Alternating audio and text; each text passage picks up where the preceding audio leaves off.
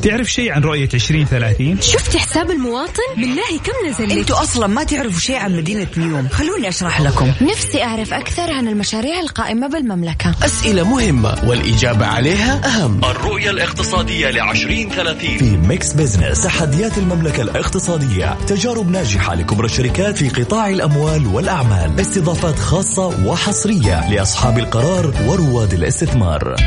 الآن Mix Business مع جمال بنون وغدير الشهري على Mix FM Mix FM هي كلها في ال mix.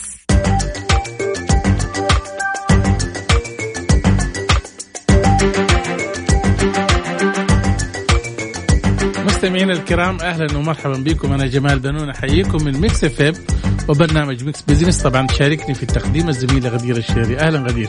أهلا وسهلا فيك أستاذ جمال واهلا مستمعينا في كل مكان.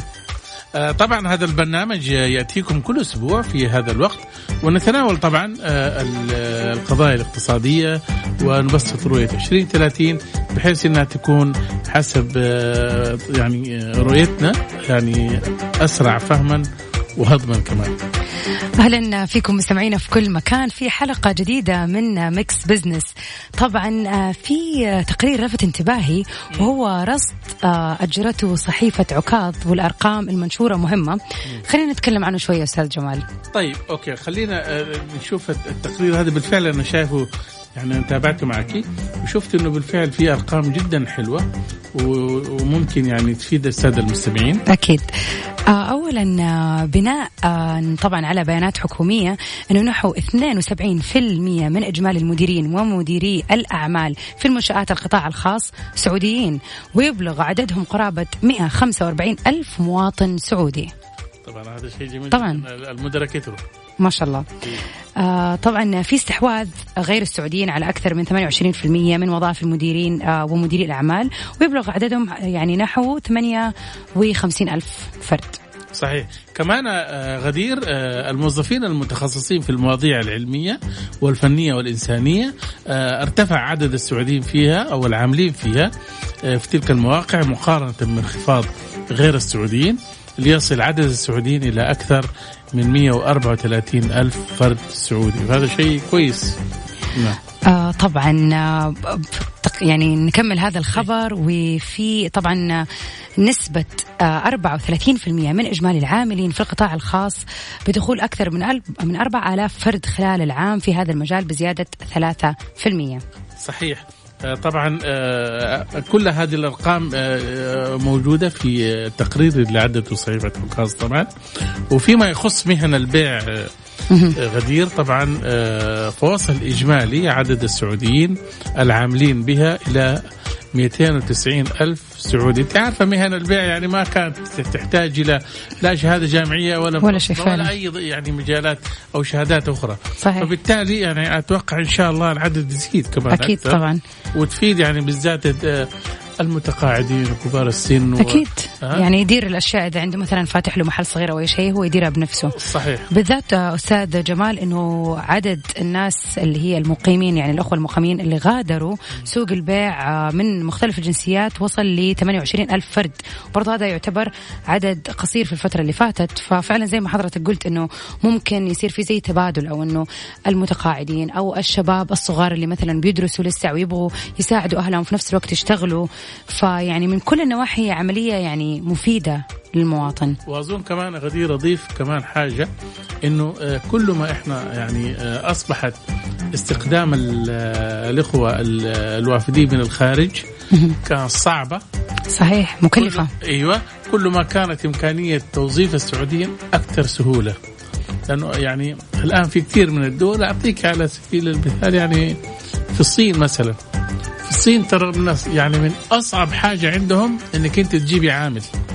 فهم مصعبين المسائل فبالتالي الشركات آه، تضطر إنها تأخذ صيني أكيد.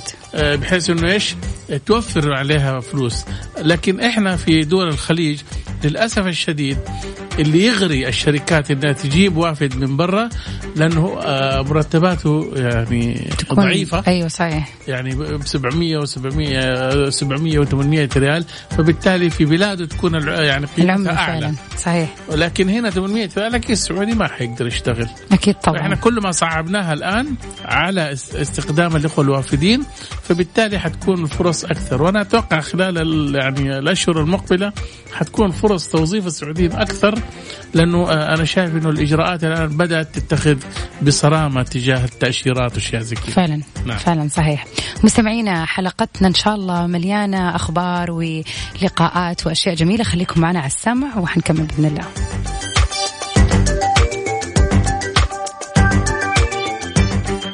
Mix Business مع جمال بنون وغدير الشهري على Mix FM. Mix FM هي كلها في ال mix. هي كلها. أهلا بكم مستمعينا الكرام من جديد. طبعا آه، حلقتنا إن شاء الله دسمة وخفيفة. بس آه، غدير آه، إيش في؟ ممكن اليوم حتكون في برنامجنا؟ طبعا كالعادة في فقرة على السريع حنستعرض أبرز الأحداث والأخبار الاقتصادية مع التعليق على بعض منها. وطبعا نحب نذكر مستمعينا الكرام بالسؤال الاستفتاء اللي بنطرح عليكم كل أسبوع ونتمنى منكم إن شاء الله الجميع المشاركة. طبعا مثل ما قلنا إنه استفتانا اليوم مختلف وربما يعني حيفسروا البعض وفق رؤيته. إنما إحنا بنستهدف من هذا من خلال هذا الاستفتاء مؤشر التدخين العادي أو الإلكتروني مع إن التدخين مضر وهذا طبعا أمر ما في أحد يختلف عليه. آه الاستفتاء بيقول أي أنواع التدخين تستخدم الإلكتروني أم العادي أو التقليدي؟ أو إيش عفوا نقدر نقول إيش هو نوع السجائر اللي حضرتك تظن إنه أكثر ضررا؟ هل هي السجائر العادية أو السجائر الإلكترونية؟ ولا أخيرا الاثنين تشوف إن هم متساويين في الضرر. طبعا مستمعينا تقدروا تصوتوا عن آه، طريق تويتر at Mix FM Radio تدخلوا على الحساب وحتلاقوا السؤال موجود. يا ريت تجاوبونا. خلينا نشوف إيش وجهة نظركم في الموضوع بخصوص الضرر وإيش هو الاضر أو هل يتساووا الاثنين مع بعض. وأخيرا في فقرة أهل الثقة. حيكون حتكون ضيفتنا اليوم الدكتورة نوف الغامدي مستشارة تنمية اقتصادية وإقليمية. حتكون آه، معنا عشان نتكلم عن حال سوق الأسهم السعودية بعد عودة الحياة لاقتصادها. صحيح آه، طبعا آه، إن شاء الله حناخذ معلومات مهمة من الدكتورة نوف. وإن شاء الله يعني تكون يعني مقنعة بالنسبة للسادة المستمعين. فاصل مستمعينا ومكملين معكم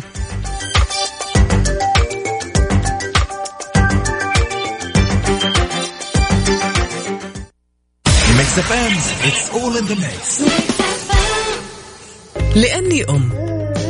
زي ما أحتوي أسرتي وأحافظ عليها أحب أحافظ على جودة طعامي وأستخدم قص Mix Business مع جمال بنون وغدير الشهري على Mix FM Mix FM هي كلها في ال mix. هي كلها في أهلا بكم مستمعينا من جديد طبعا مستمرين معكم في Mix Business أنا وزميلتي غدير الشهري. آه، طبعا آه، غدير عارف إنه معظم الشركات الكبيرة عالميا آه، انهارت أسهمها طبعا صحيح. وتهاوت بفعل جائحة كورونا وأصبح المتعاملين معها طبعا يعني في حيرة إيش يعني يبيعوا ولا يشتروا بالذات. في سوق الاسهم ده معروف يعني يبيعوا ويشتروا والبعض يشوفها إنها فرصة مناسبة آه للاستثمار ليش؟ لأنه لما تنخفض الأسعار يجد فرصة إنه هو يشتري الأسهم بسعر أقل على أساس آه ممكن ترتفع يعني بعد كده. آه إي نعم. آه يعني بشكل أفضل آه ولأن سوق الأسهم السعودية آه يعتبر مؤشر مهم لمعرفة تحرك السيولة وهل سيستعيد سوق الأسهم عافيته بعد كورونا؟ طبعا آه، نتكلم حول هذا الموضوع ونتوسع فيه آه، مع الدكتورة نوف الغامدي مستشارة تنميه اقتصاديه وإقليمية. أهلا دكتورة نوف. أهلا وسهلا أستاذ جمال واهلا في غدير أهلا وسهلا فيكي دكتورة شرفتينا اليوم. وسعيدين بحضورك آه، يعني في حلقتنا اليوم في Mix Business وطبعا هذه حلقة مختلفة لأنه تقريبا صار لنا فترة ما تكلمنا تكلمنا عن الاسهم فطبعا آه، okay. سعيدين بوجودك آه، ولإضافتك في هذه الحلقة. الله يسعدك يا رب طيب نحب نبتدي معاكي ونسألك كيف تتوقعي يعني رجع سوق الأسهم بعد رفع الحظر وعودة الأنشطة التجارية؟ طيب آه طبعا خلينا اليوم نتكلم على اللي حدث اليوم أصلا. قبل ما نبدأ نتكلم بشكل عام على واقع سوق الاسهم ال- الفترة اللي مضت وإيش التوقعات اللي ممكن تكون الفترة القادمة. طبعا اليوم كان المؤشر حقيقة آه، إيجابي. آه، مؤشر سوق الاسهم السعودي اليوم ارتفع آه، وكان في صعود ل 130 سهم. آه، مقابل تراجع 47 سهم. فكان حقيقة جيد. يعني الصعود كان تقريبا آه، يعني آه، المؤشر تقريبا يمكن ارتفع 0.26 فأتوقع إنه إن شاء الله حيكون هذا مؤشر إيجابي قوي كمان الفترة القادمة. ولكن خلينا نقول حاجة إنه اليوم حجم التداول وصل ل 81 مليون آه، سهم يعني تقريبا ما ما يقارب آه، واحد ونص مليار ريال حجم التداول. فلما نتكلم إنه في ارتفاع في القطاعات فكان حقيقة في ارتفاع في عدد يمكن 16 قطاع اليوم وكلها قطاعات مهمة سواء كان من قطاعات الخدمات التجارية أو المهنية أو تطوير العقارات أو الخدمات التقنية الإعلام والترفيه قطاع الأدوية السلع ال- الخدمات الاستهلاكية. هذه كلها اليوم كانت آه، حقيقة حققت ارتفاعات جيدة. آه، في مقابل تراجع بعض القطاعات يعني زي الرعاية الصحية قطاع الصناديق العقارية آه، قطاع تجزئة الأغذية قطاع التأمين آه، لكن خلينا نقول بشكل عام يعني كانت حقيقة اليوم أنا أشوفه كان المؤشر إيجابي جدا. يعني أنت تعتقدي دكتورة عفوا يعني أنت تعتقدي هذا المؤشر ممكن يعني يساعد خلال الأسابيع المقبل إنه هو يعني يتصاعد أو ممكن يعني تكون عملية ذبذبة في السوق؟ طيب عشان نتكلم بأمانة آه يعني آه أنا ما أتوقع حقيقة أن يكون النمو مرة كبير في سوق الأسهم الفترة القادمة آه لأنه كثير ناس بيربطوا ارتفاع وتحسن سوق الأسهم بنمو الاقتصاد وهذا أبدا ما له علاقة نعم. ببعض لأنه الحقيقة أنه ال- سوق الأسهم عندنا بيتأثر مباشرة بأسعار النفط وتذبذبها كمان يعني اليوم عندنا يمكن ال- الأسهم القيادية آه، هي اللي بتحكم يعني زي أرامكو والبتروكيميكال هي دائما اللي تكون مرتبطة بأسعار النفط ودائما تتأثر بشكل مباشر. في قطاعات مستفيدة وفي قطاعات مع الأسف كانت متضررة ومتراجعة يعني من القطاعات المستفيدة التجزئة، الاستهلاك، التأمين، الأغذية. آه، قطاع الإسمنت يمكن كمان كان من القطاعات اللي استفادت خصوصا من برامج الرؤية والميزانية التوسعية في فترة من الفترات، فهذا كمان أيضا يعني كان من ال- ال- القطاعات اللي كانت آه، يمكن آه، نقول إنها استفادت بشكل كبير خلال فترة الأزمة، لكن نتوقع يعني إنه يكون في لكن بشكل آه تدريجي. يعني خليني أقول لك حاجة جمال. أنا ما أتوقع اللي اليوم يجي يقول إنه أنا أقدر أتوقع فعلا الفترة القادمة سوق الأسهم حيرتفع أو حينخفض أنا أقول له حقيقه آه هذا كلام غير صحيح. لأنه اليوم الرؤية ضبابية. إحنا بنتعامل مع أزمة آه ما هي سهلة. يعني سهم حقيقة كانت من الأزمات اللي أثرت بشكل كبير جدا خصوصا مع تعطل الإنتاج العالمي وانخفاض الطلب على النفط كمان. جعل الأثر يمكن السلبي على المملكة مضاعف أكثر من أي أي دولة أخرى. فعشان كده خلينا نقول إنه اليوم في فرص موجودة ممكن إن هي تحسن من واقع سوق الأسهم، لأنه اليوم الأزمة أثرت على ثلاثة فئات رئيسية مهمة، عندنا المستثمرين والمستهلكين والمقترضين. المستثمر اليوم أصبح أكثر تحفظ على الاستمرار في استثمارات مرتفعة المخاطرة فنلاقيه دائما يدور على الاستثمارات الآمنة. آه المستهلك كمان نفس الشيء. آه تغير سلوكه أصبح أكثر وعي آه توجه للادخار على حساب الجانب الاستهلاكي. طب دكتورة بخصوص هذا الموضوع آه يعني زي ما انت شايفة تستعد بعض الشركات الآن على يعني هي تطرح أسهمها للاكتتاب. فهل تشوفي هذا الوضع أو يعني هل هذا الوضع مناسب الآن إن هم مثلا يسووا كذا؟ آه خلينا نذكر مث... آه، خليني أبدأ الحوار بمثل أمريكي شهير يعني. يقول لك يصعد السوق إلى الأعلى بالسلم. لكنه في مرحلة الهبوط يهبط بالمصعد وهذا أكبر وهذا أكبر دليل اليوم على مصداقية هذا المثل. اللي إحنا اليوم بنشوفه في أسواق الأسهم سواء على المستوى السوق السعودي أو حتى على مستوى السوق الأمريكي أو الأسواق العالمية بشكل عام يعني اليوم لو نبغى نيجي نشوف إنه مثلا بس على فترة يناير 2020 كان أغلق مؤشر الأسهم السعودي عند 8358 نقطة تقريبا. وخلال ثلاثة شهور في مارس 2020 هبط إلى 5990 أوكي؟ وهذا رقم ما وصلنا له من 2016 الحقيقة. يعني إحنا بنتكلم في 12 أسبوع بس فقط السوق السعودي اللي احتاج إنه هو يرجع له خلال ثلاث سنوات. والسوق الأمريكي نفس الشيء. اليوم إحنا بنتكلم إنه مؤشر داو جونز آه، يعني كمان فقد أكثر من ثلث قيمته أكثر من عشرة آلاف نقطة. بس في أسابيع قليلة وهذا ما حدث برضه من نوفمبر 2019 من بعد يمكن فوز ترامب. فالحقيقة إحنا اليوم أمام حقيقي تحديات كبيرة لسوق الأسهم. يعني لا ننظر للأمور بس أنه يعني بهذا الشكل البسيط لأنه يعني اللي بيتذاكوا بعض الناس ويجوا يقولوا والله لا اليوم إحنا حنطلع إحنا حننزل. لا هي ما هي كده اليوم أعتقد إنه المستثمر آه، بيواجه ما هو فقط أزمة مادية لكنه كمان بيواجه أزمة صحية أزمة في التعامل مع الممتلكات الصحية نعم. والنفسية كمان. طيب بس دكتورة عفوا لا تأخذيني. يعني لا تأخذيني على المقاطعة ولكن يعني آه، إذا جينا قلنا الآن الشركات يعني هل آه، يعني في أنت عارفة كم شركة الآن جاهزة إنها تطرح للاكتتاب؟ صحيح. فبالتالي انت لو أحد سألك هل تنصحيهم إنهم هم يطرحوها الآن ولا تتأجل؟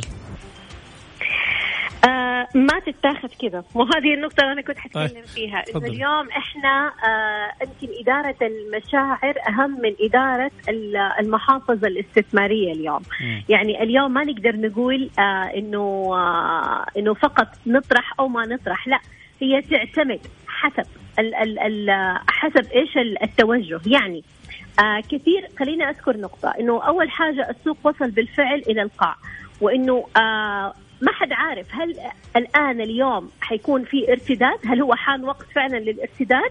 ولا آه نتمسك بمراكزنا اللي موجودة؟ هل هو حيرتد أصلا أو ما حيرتد؟ هذا سؤال جدا مهم لأنه نعم. اليوم السؤال المهم هل إحنا نقفز من السفينة ولا نحاول نقتنص الفرصة للدخول أو إنه إحنا فعلا آه نقتنص أسهم جديدة؟ فأنا أعتقد إنه هذا اللي حيجاوب عليه القطاع نفسه. يعني هل اليوم القطاع هذا من القطاعات المستفيدة؟ أو من القطاعات اللي ممكن نشوف إن هي اليوم لا تتريث بعض الشيء وما تدخل في السوق الآن. يعني آه لأنه اليوم يعني مثلا لو نبغى نشوف الأرقام اليوم إحنا عندنا السوق الموازية. أتراجع. نعم. أتراجع. وكان خاسر تقريبا ب 56 نقطة. فعشان كده أنا دائما أقول إنه اليوم يعتمد على حسب القطاع. في القطاعات القيادية لكن القطاعات المستفيدة أنواع في قطاعات مستفيدة في قطاعات متضررة اليوم لسه ما زالت آه تعاني. فأعتقد اليوم لا التريث يمكن أفضل نقطة لأنه ما إحنا عارفين حقيقة الصورة لسه ما زالت ضبابية. فعلا. وكمان كمان في نقطة مهمة إنه كثير من آه اللي موجودين في سوق الأسهم اليوم حديثي العهد كمان. يعني كثير منهم تزامنوا مع اكتتاب أرامكو. هم ما كانوا يعرفوا أصلا أي حاجة عن سوق الاسهم وما عمرهم دخلوه. دخلوه يمكن تزامنا مع اكتتاب أرامكو. فالأزمة اليوم كمان يعني حقيقة بتأثر بشكل كبير والصورة ما هي واضحة. لكن زي ما ذكرت هي تعتمد يمكن أكثر على ال ال ال القطاع. هل هو من القطاعات اليوم المستفيدة أم من القطاعات المتضررة اللي تحتاج أنه هي فعلا تتريث بعض الشيء؟ وحعيد نفس الجملة أنه اليوم إحنا محتاجين للتحكم وإدارة المشاعر بذكاء أكثر من إدارة المحافظ الاستثمارية. طيب دكتورة قبل ما نطلع فاصل عندنا سؤال وحابين نسمع إجابته منك على السريع. طبعا زي ما أنت شايفة وضع الأسهم عالميا مضطرب الآن. هل تتوقع يصيب أسواقنا منها شيء يعني بالشدة اللي موجودة عالميا الآن؟ لأنه إحنا اليوم ما إحنا بمعزل ابدا عن السوق العالمي. بالعكس أنا زي ما ذكرت إحنا يمكن من أكثر المتضررين والأثر كان سلبي ومضاعف على السوق السعودي بسبب آه، تغير وانخفاض الطلب العالمي على النفط. فبالعكس أنا أتوقع إنه حيكون في أزمة كبيرة خصوصا إنه آه اليوم إحنا يمكن هذه الأزمة تعد يمكن طبعا إحنا نتكلم سوق الأسهم عموما عصفت بكثير من الأزمات يمكن أكثر من تسعة أزمات.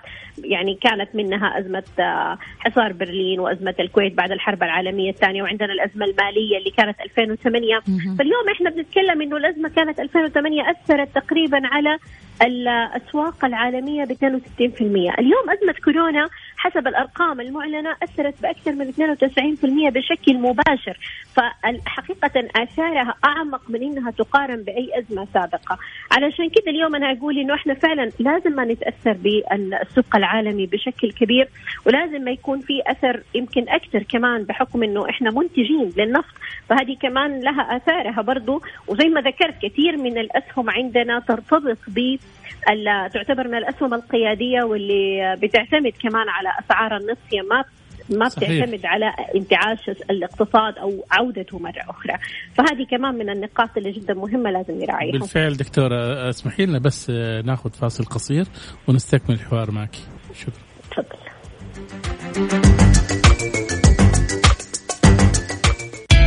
Business مع جمال منون وغدير الشهري على Mix FM Mix FM هي كلها في ال mix. هي كلها في ال mix.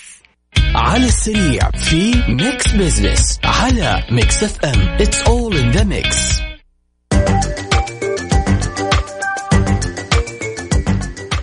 أهلا وسهلا فيكم من جديد مستمعينا الكرام نستعرض فينا في فقرة على السريع أهم وأحدث الأخبار الاقتصادية وحنبتدئها بالعناوين وطبعا أستاذ جمال حيدينا تعليقاته عن هذه الأخبار.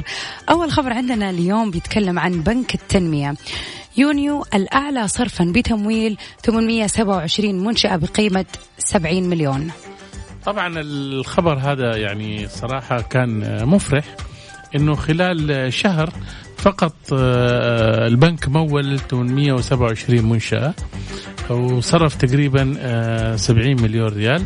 وهذا يعني إنه خلال فترة جائحة كورونا حاول البنك واللي هو بنك التنمية يقدم مساعدات أو تمويل لمشروعات تنموية تهم مؤسسات صغيرة ومتوسطة. خليني بس غدير اسمحي لي أعطي تفاصيل عن قيمة المشروعات هذه أكيد. اللي خلال شهر. طبعا البنك مول بقيمة يعني مول 827 منشأة بقيمة 70 مليون ريال.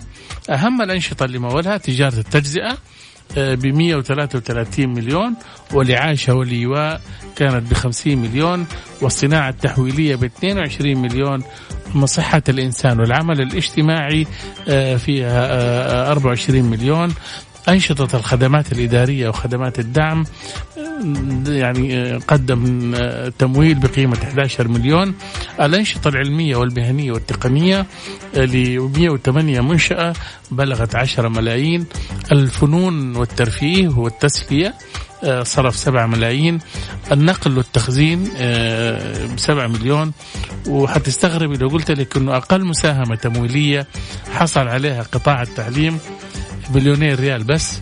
فما دي سبع منشات ما أعرف أنا إيش الأسباب ولكن أكيد عندهم ممكن أس... عشان فترة الصيف الآن فهي أصلا ما هي فترة للتعليم لا بشكل ما بيجيبوا طلاب أكيد حيطوروا برامج صح الجنب صحيح فعلا صحيح فعلا صحيح. اجمالي المنشآت اللي استفادت من التمويل خلال السنة الميلادية هذه؟ يعني من أول يناير وحتى الآن 2557 منشأة بإجمالي تمويل بلغت 266 مليون ريال طبعا.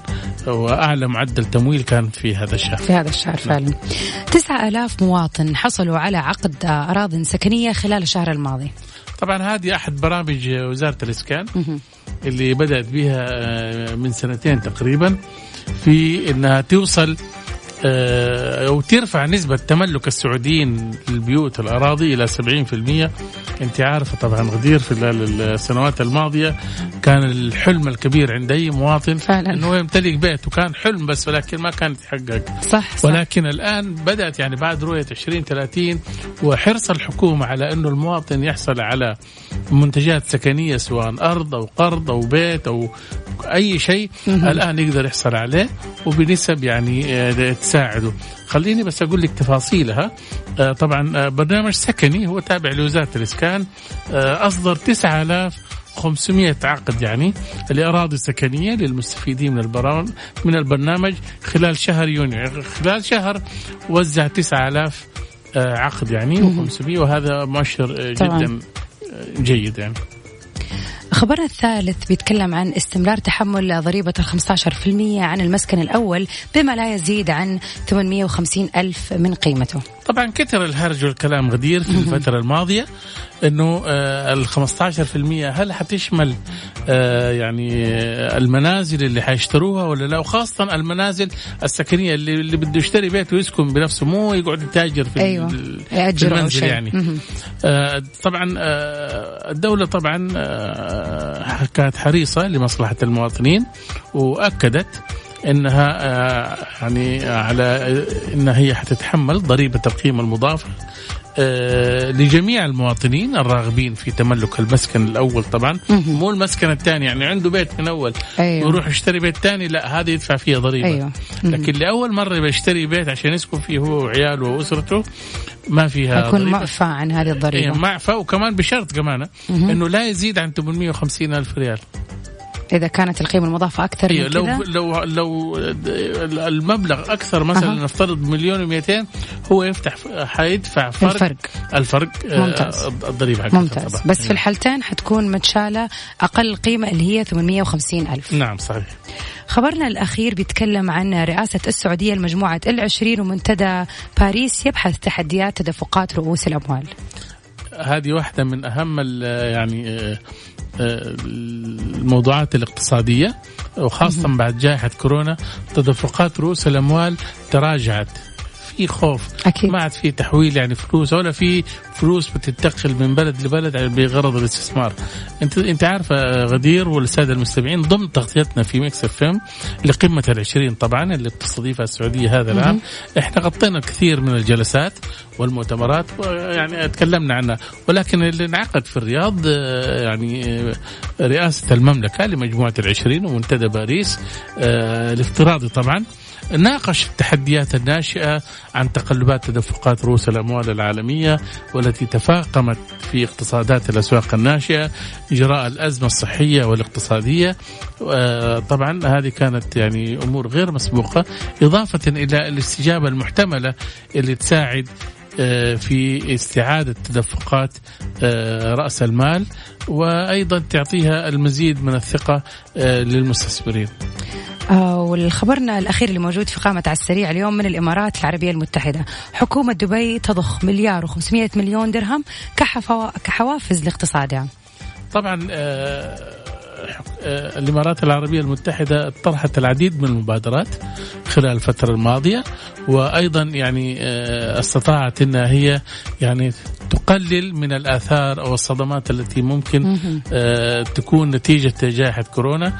في دبي طبعا أعلن ولي عهد آه، دبي الشيخ حمدان بن محمد بن راشد المكتوم آه، طبعا عن حزمة آه، تحفيزية جديدة بقيمة مليار و500 درهم لمساعدة اقتصاد الإمارة على التغلب على تبعات جائحة فيروس كورونا المستجد. وقال ولي العهد في حكومة دبي إنه هذه المبالغ أو ال- آه، الحوافز اللي طرحتها آه، الهد- الهدف منها طبعا آه، حزم تحفيزي يعني آه، حزم تحفيزية آه، بهدف تعزيز سيولة الشركات ودعم استمرارية أعمالها وحتى الآن بلغ الدعم آه، إلى 6 مليار و300 مليون درهم. آه، مستمعينا فاصل بسيط وراجعين ومكملين معاكم في حسبة ونسبة. وإذا ما كنتوا آه، عملتوا التصويت تقدروا تروحوا على account نا في تويتر على at Mix FM Radio وتجاوبوا على السؤال اللي موجود في الاستفتاء. وحنرجع إن شاء الله نشوف النتائج.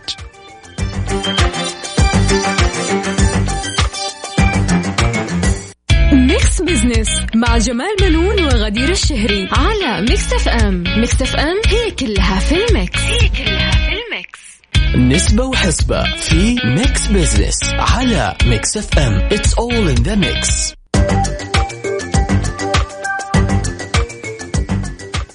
أهلا بكم مستمعينا الكرام. طبعا آه، غدير إحنا كنا طرحنا سؤال للسادة المستمعين واليوم كان سؤالنا يعني مختلف شوية عن بقية الحلقات. فعلا.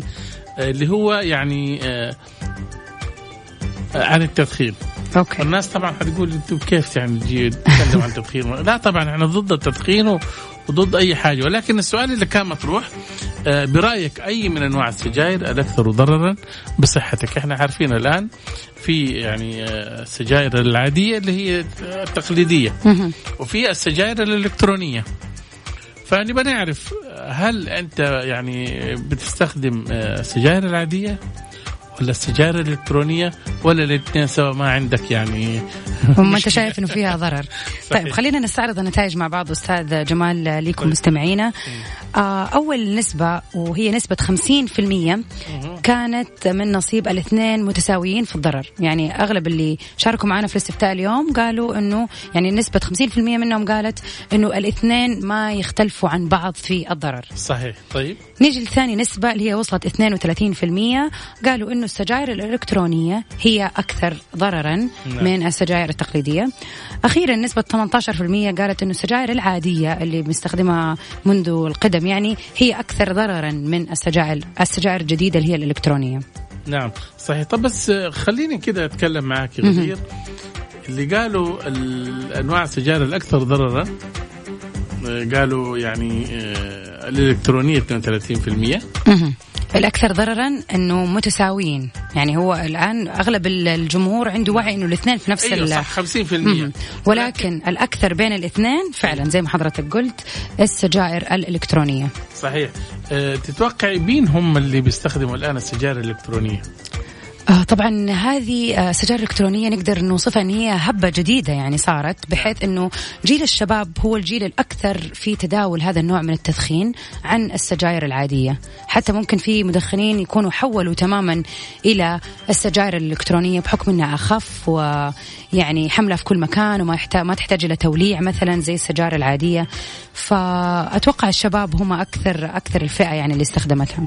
صحيح وأظن كمان اليوم يعني خلينا يعني أصبحنا كنا نعرف شخصية الن- يعني الكثير من الناس من نوعية الطريقة اللي بيدخن بها، إذا كان بيدخن بايب هذا معناته أبو فلوس.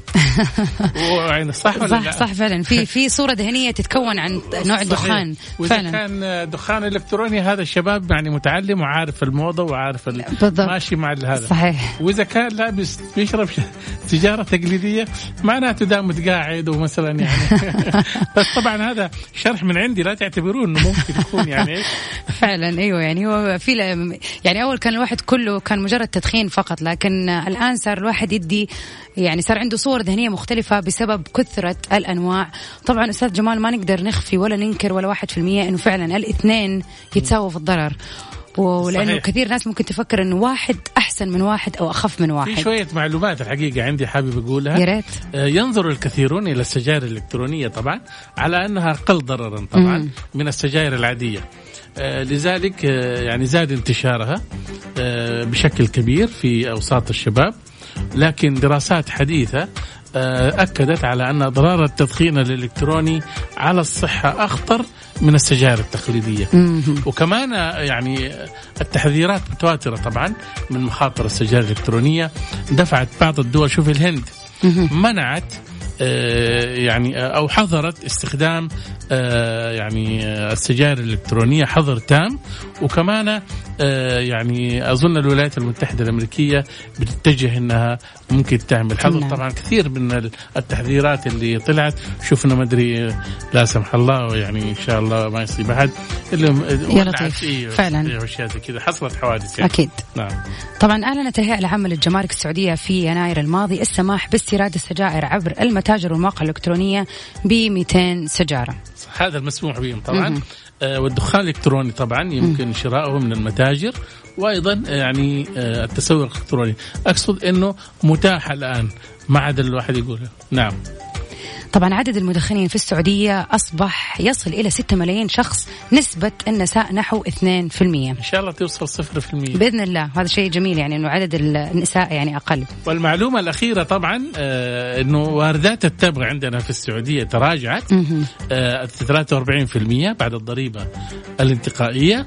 وكمان أظن يعني آه إنه سبب التراجع بعد تفشي الدخان المغشوش. جات. فترة فأصبح ما في ثقة. آه نستورد إحنا سنويا غدير بقيمة 18 مليار ريال بينما يكلف هذا طبعا الحكومة لمعالجة المدخنين 17 مليار فعلا. ريال. نسب وأعداد كبيرة أستاذ جمال. طبعا للأسف وصلنا لختام حلقتنا أستاذ جمال اليوم. إن شاء الله تكون حلقة جميلة ولطيفة بالذات. إن إحنا تكلمنا عن موضوع غير اليوم موضوع التدخين يعني ممكن يلامس كثير من مستمعينا. صحيح. آه، إن شاء الله نلتقي بكم مستمعينا الكرام الأسبوع المقبل في موضوع جديد وفكرة جديدة بإذن الله. نلقاكم على خير مستمعينا.